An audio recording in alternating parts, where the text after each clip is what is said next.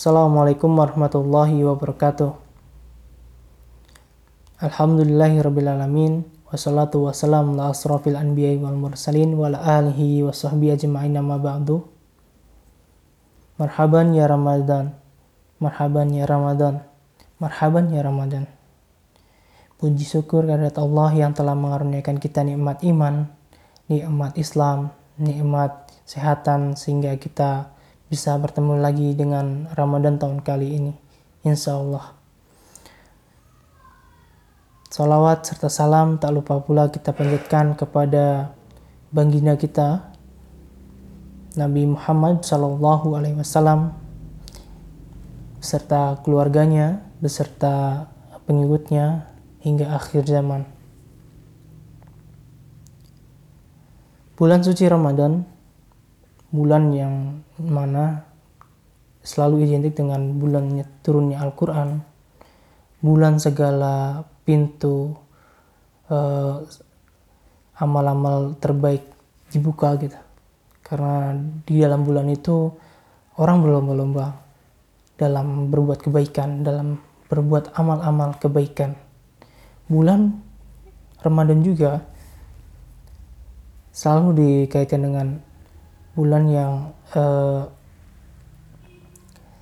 senantiasa diberikannya keampunan kepada hamba-hambanya yang berusaha dengan ikhtiar yang luar biasa melalui amalan-amalannya setiap bulan Ramadan itu sehingga ia mendapatkan ampunan dari Allah Subhanahu wa taala. Menyambut bulan Ramadan kali ini, ada beberapa hal yang kita bisa lakukan. Pertama, persiapan yang matang.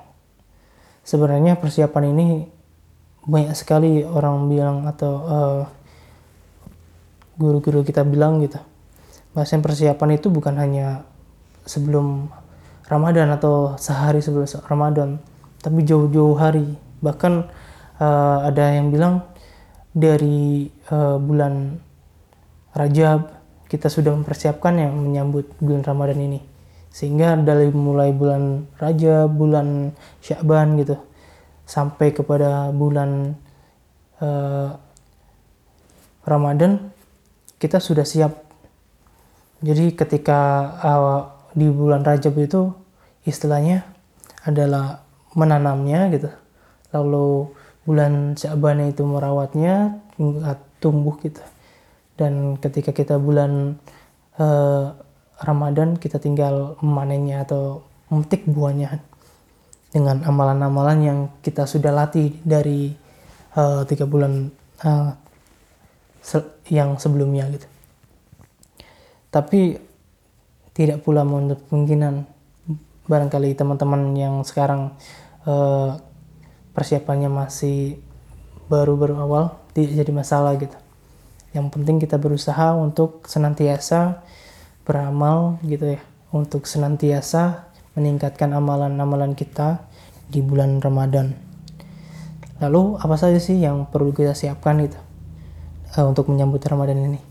Tentu untuk menyambut Ramadan kali ini yang perlu kita siapkan pertama yaitu persiapan hati. Ibarat bulan Ramadan ini seperti seorang tamu gitu ya kita harus menyiapkan terlebih dahulu kan e, memberikan hidangan yang luar biasa gitu untuk tamu yang akan datang kepada rumah kita gitu kan. Menyambutnya dengan e, penuh keceriaan gitu penuh e, rasa syukur penuh rasa kegembiraan gitu. Jadi ketika tamu datang tamu juga senang gitu. Dan ketika kita bisa saling senang di uh, sesama tamu itu kita akan mendapatkan banyak hal gitu kan. Salah satunya kalau misalkan kita bisa senang di dalam Ramadan tentu kita akan meningkat gitu. Uh, amalan-amalan uh, harian kita atau amalan-amalan uh, selama bulan Ramadan ini. Ibarat uh, pertemuan antara tamu tadi bisa diidentikan atau bisa diibaratkan seperti ini.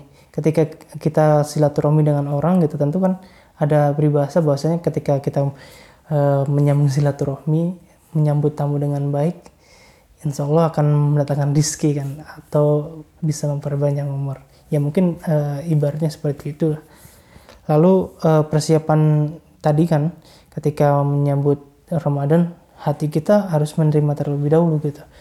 Hati kita harus uh, yakin dulu bahwasanya uh, besok atau lusa gitu kita itu akan tiba di bulan Ramadan.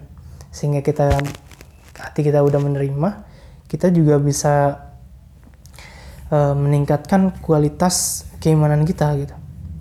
Karena ketika kita udah percaya gitu kita udah yakin gitu tentu uh, bulan Ramadan ini akan disambut dengan baik dengan amalan-amalan terbaik kita gitu. Ketika kita sudah mantap hatinya lalu persiapan apa aja sih yang apalagi gitu ya yang perlu disiapkan? Tentu persiapan mental gitu kan. Kadang ketika kita uh, menyambut Ramadan mental kita aduh Ramadan nih gimana ya?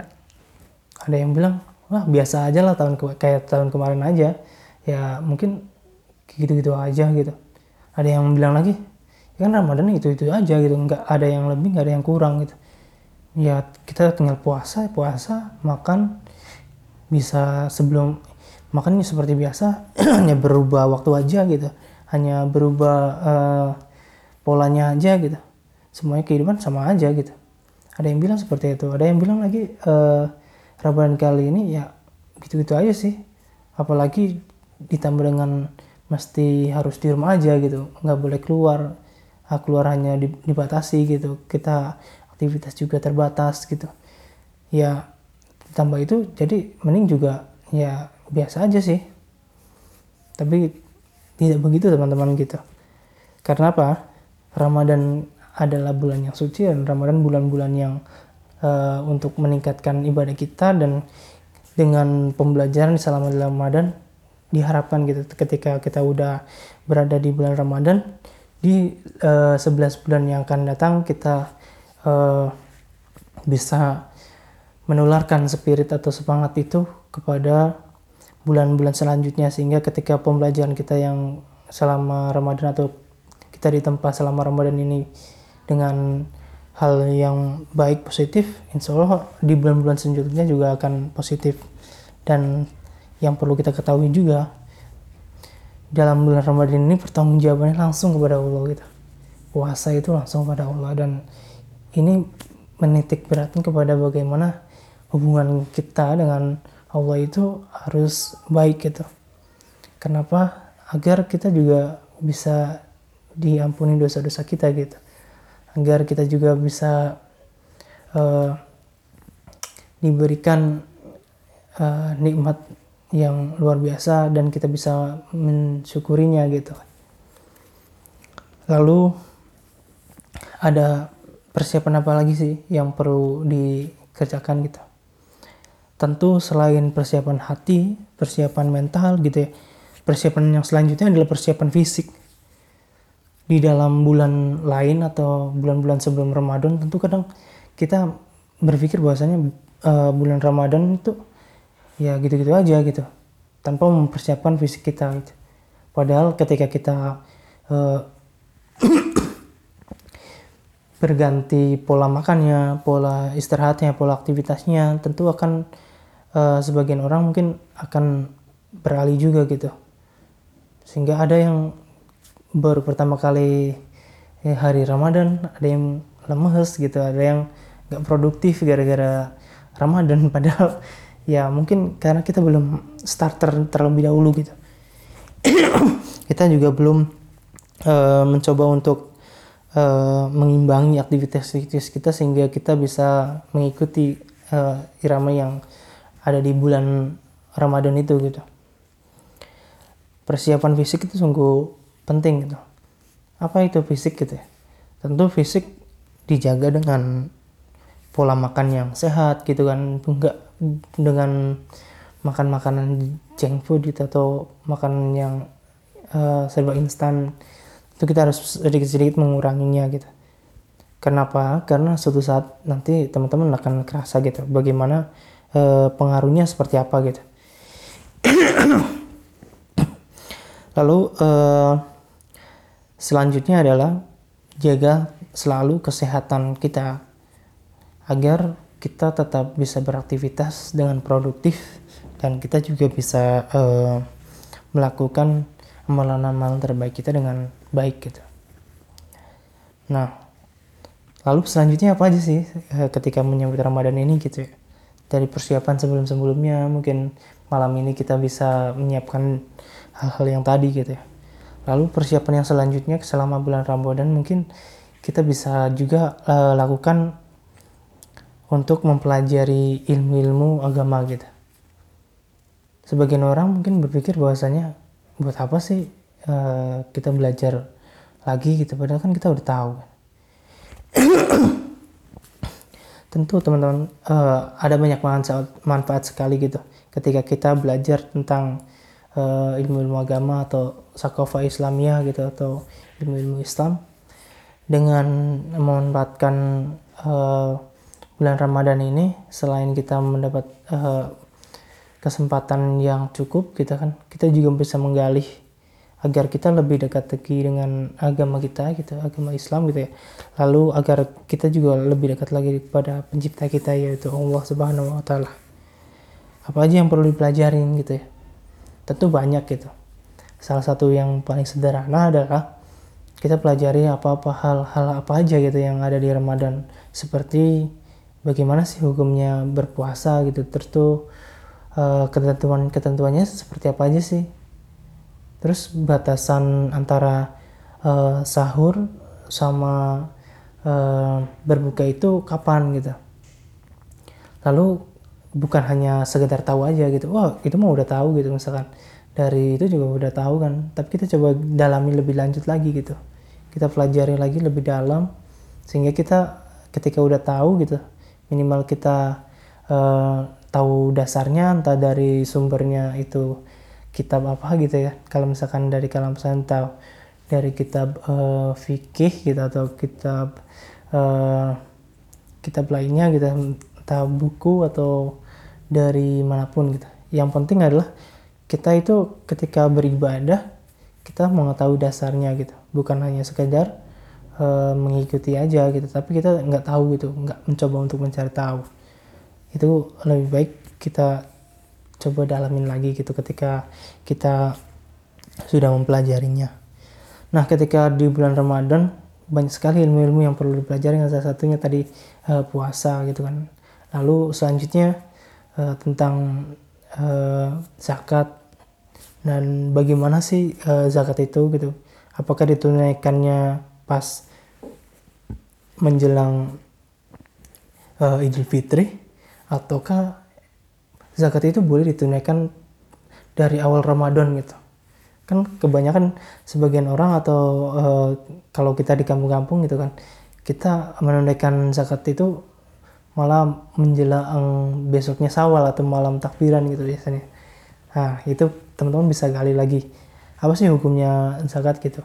Apakah boleh dilakukan di awal gitu dari awal Ramadan sampai uh, akhir gitu atau bagaimana gitu.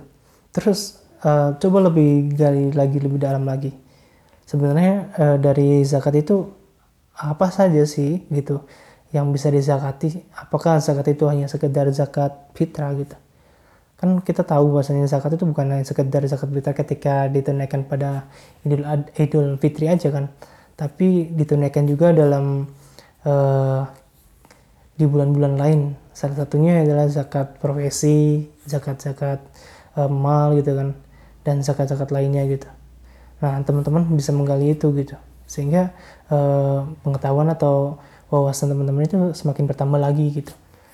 Nah dari situ bisa diambil uh, banyak hal gitu kan. Dengan hal zakat saja kita bisa mempelajari dari jenis-jenis zakat gitu kan Terus bagaimana sih peranan zakat ini terhadap ekonomi Indonesia dan bagaimana sih uh, zakat ini bisa mengataskan kemiskinan dan lain sebagainya.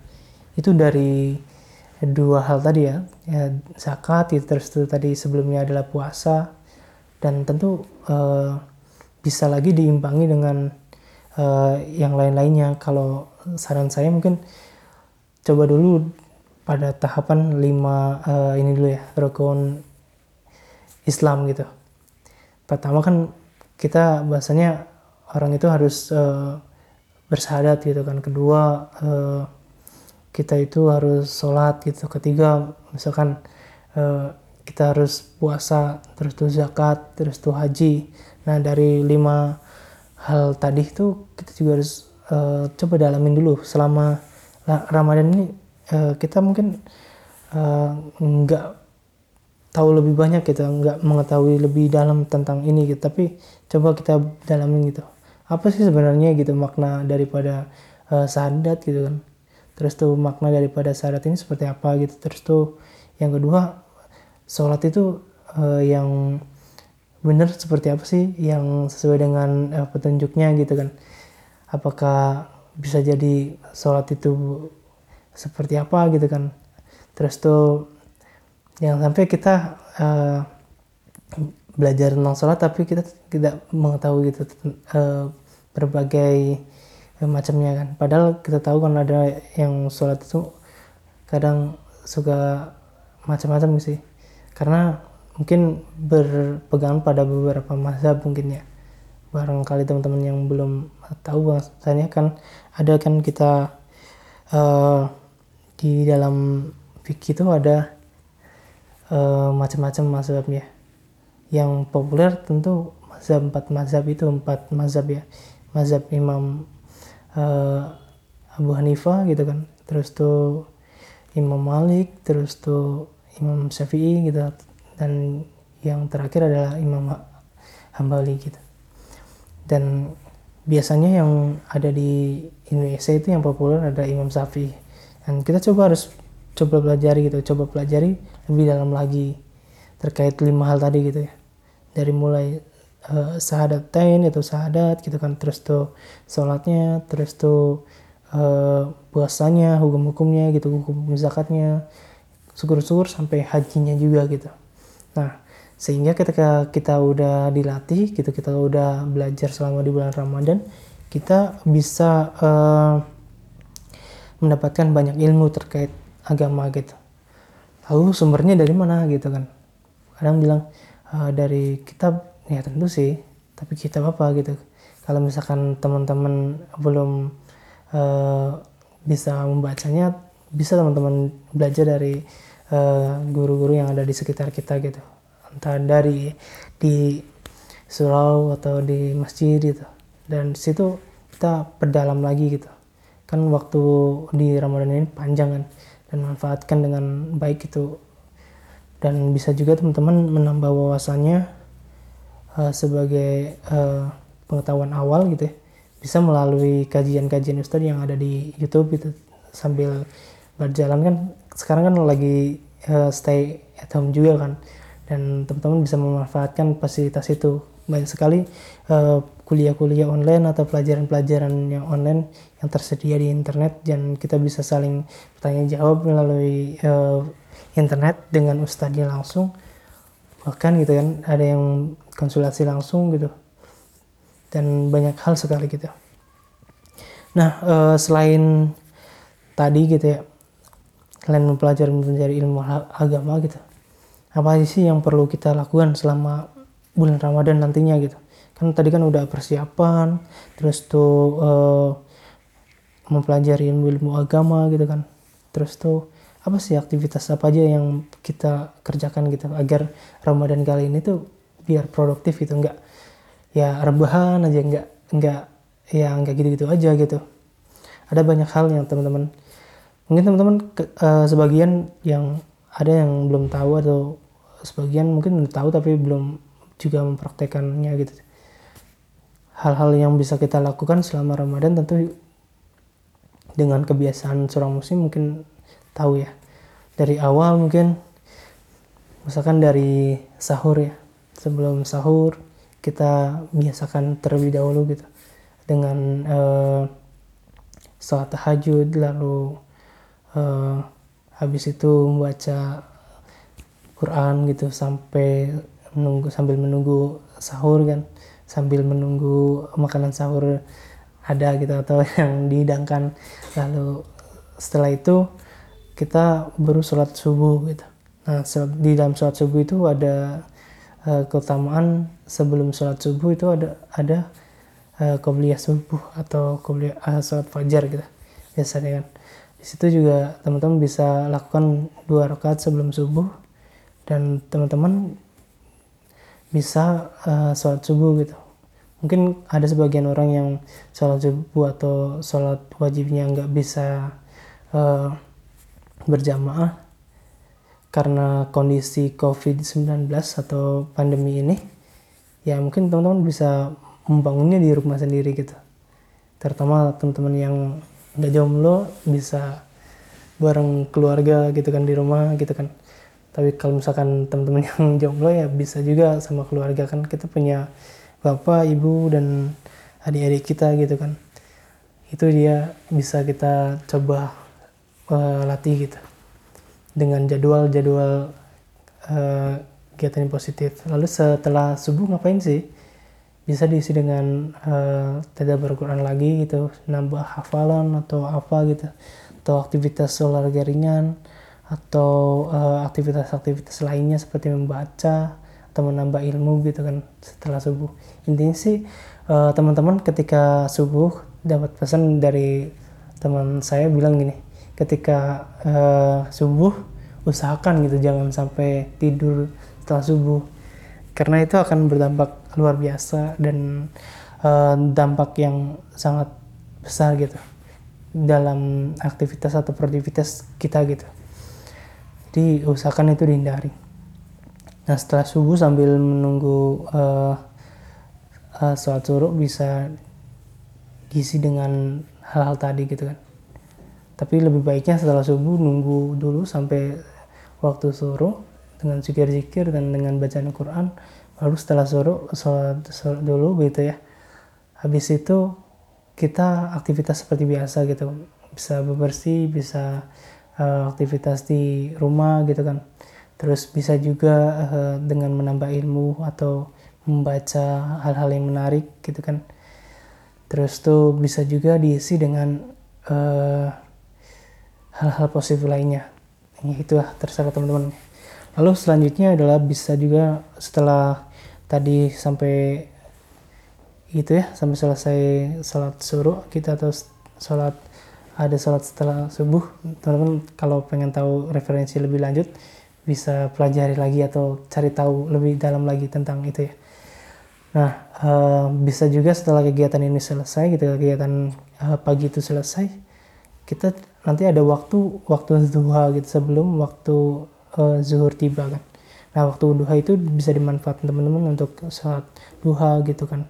Dimulai dari uh, dua rakaat dulu, terus tuh empat rakaat, terus tuh sampai delapan rakaat dan seterusnya gitu.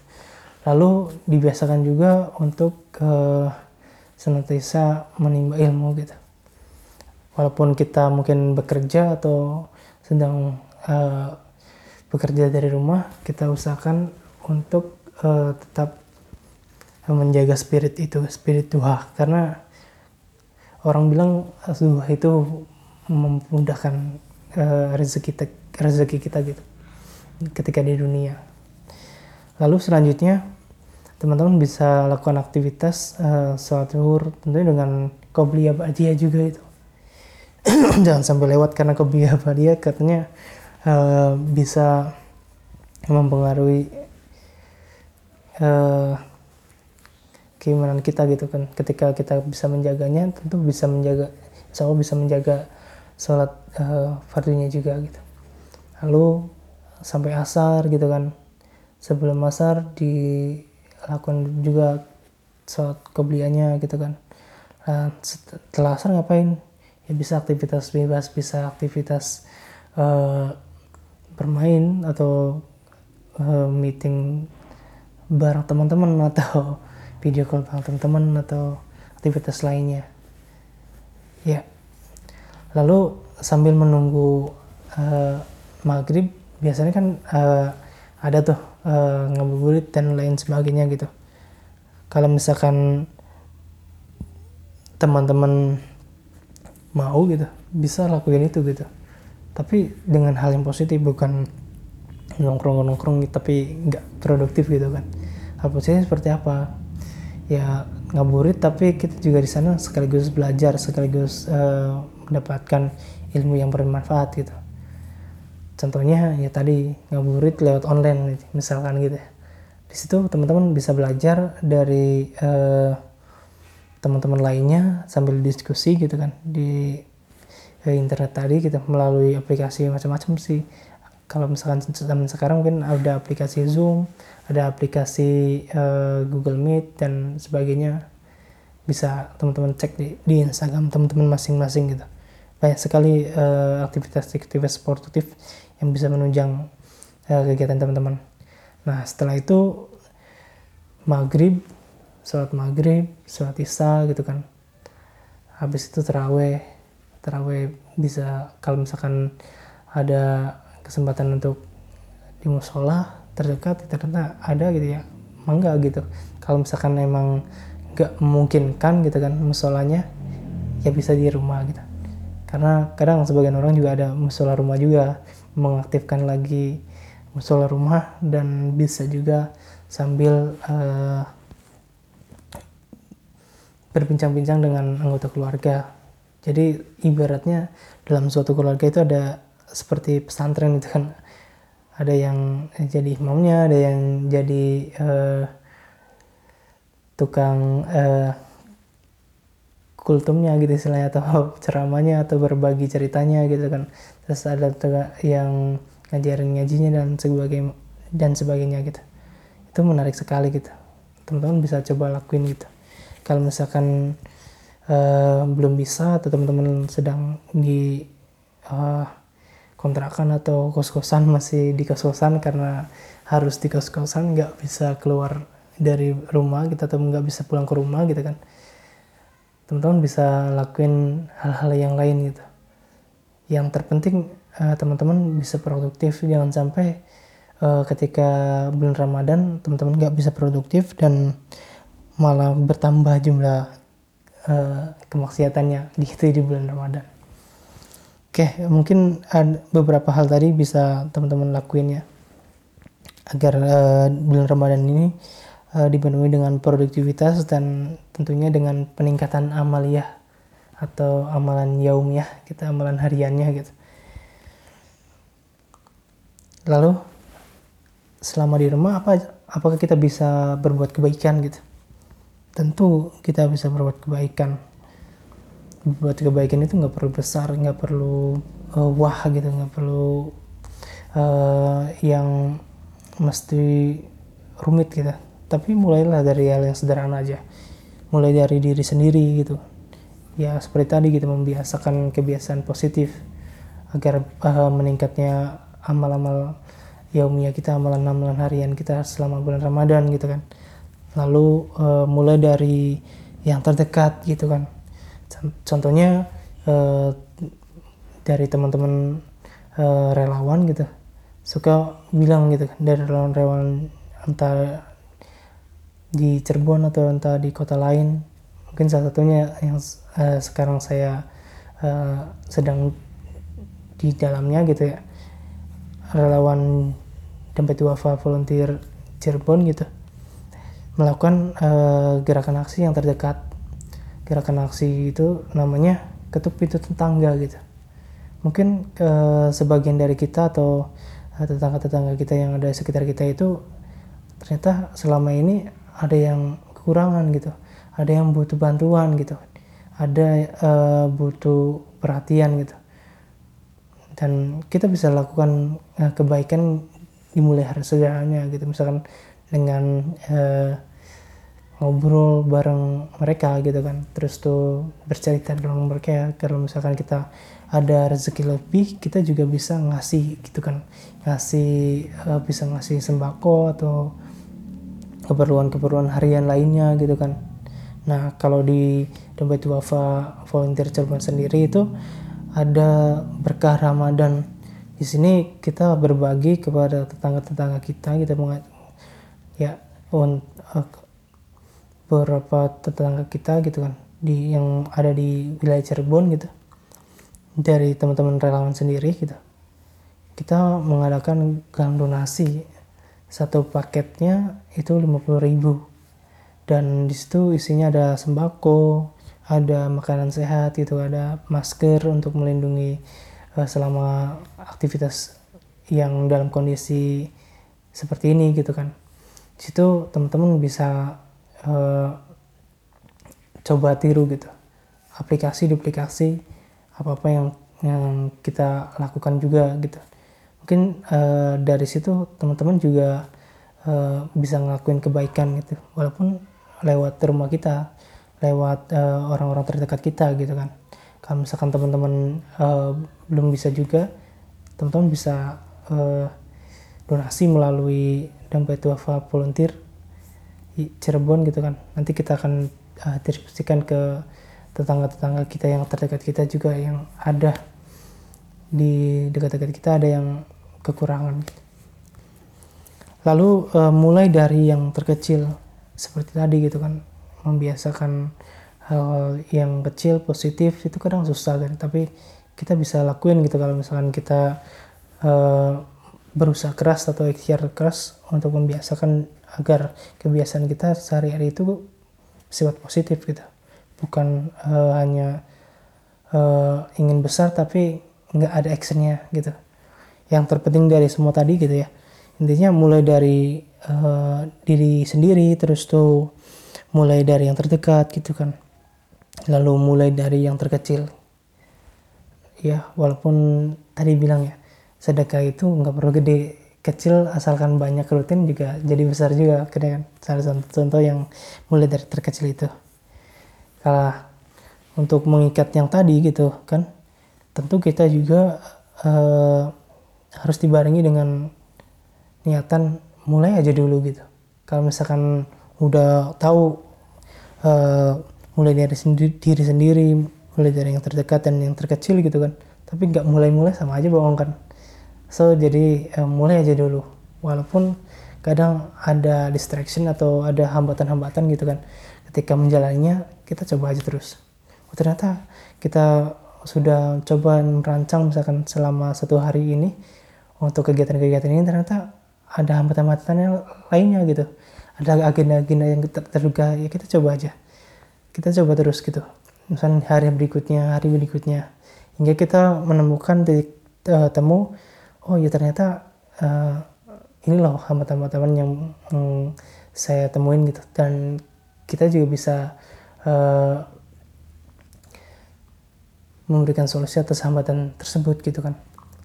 Dan ketika udah bisa satu hari kita coba lagi biasakan lagi gitu. Selama satu pekan gitu. Nah ketika kita bisa satu pekan lanjut lagi satu bulan gitu. Dan itu menjadi kebiasaan positif buat teman-teman sekalian gitu. Ketika uh, beraktivitas selama bulan Ramadan. Yang terpenting selama kita bulan uh, berada di bulan Ramadan kita harus mengambil sebanyak-banyaknya keberkahan gitu.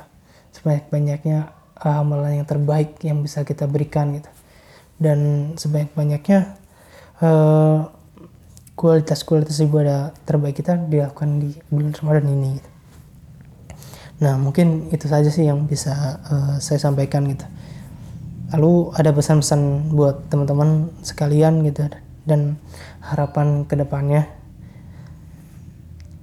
yaitu uh, pesannya tetap uh, ikuti uh, petunjuk atau saran-saran dari para ulama lalu umaro atau pemerintah gitu agar kita tetap terjaga dalam kondisi pandemi COVID-19 ini lalu tetap selalu jaga kesehatan agar kita tetap sehat gitu ya dan terhindar dari COVID-19 tersebut gitu.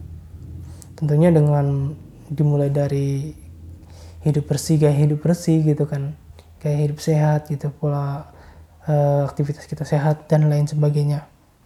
Lalu uh, pesan yang selanjutnya adalah uh, tingkatkan amalan-amalan yaumiyah kita, seperti yang dibilang tadi gitu kan. Dari mulai aktivitas uh, sahur sampai uh, isya sampai uh, taraweh gitu beraktivitas itu harus ditingkatkan dan coba kita biasakan agar kita bisa juga diimplementasikan ketika setelah uh, bulan Ramadan itu selesai. Dan harapan saya pribadi adalah semoga pada Ramadan kali ini uh, Allah angkat juga ke virus COVID-19 ini agar kita bisa beraktivitas kembali seperti semula gitu kan. Lalu uh, dipulihkan lagi kondisi-kondisi ekonomi atau sosial yang terjadi masyarakat agar orang-orang yang uh, kena PHK atau berku, belum ada profesi atau kehilangan profesinya bisa kembali lagi bekerja dengan sebagaimana mestinya sehingga uh, kondisi ekonomi kita keluarga kita atau orang-orang sekitar kita membaik lagi. Lalu uh, harapan saya semoga teman-teman selalu uh, meningkatkan amalan yaumiyah kita dan kita bisa terlindung dalam uh, lindungannya. Amin ya rabbal alamin. Oke itu aja yang bisa uh, saya sampaikan. Kurang lebihnya mohon maaf. Wallahu alam sawab Wassalamualaikum warahmatullahi wabarakatuh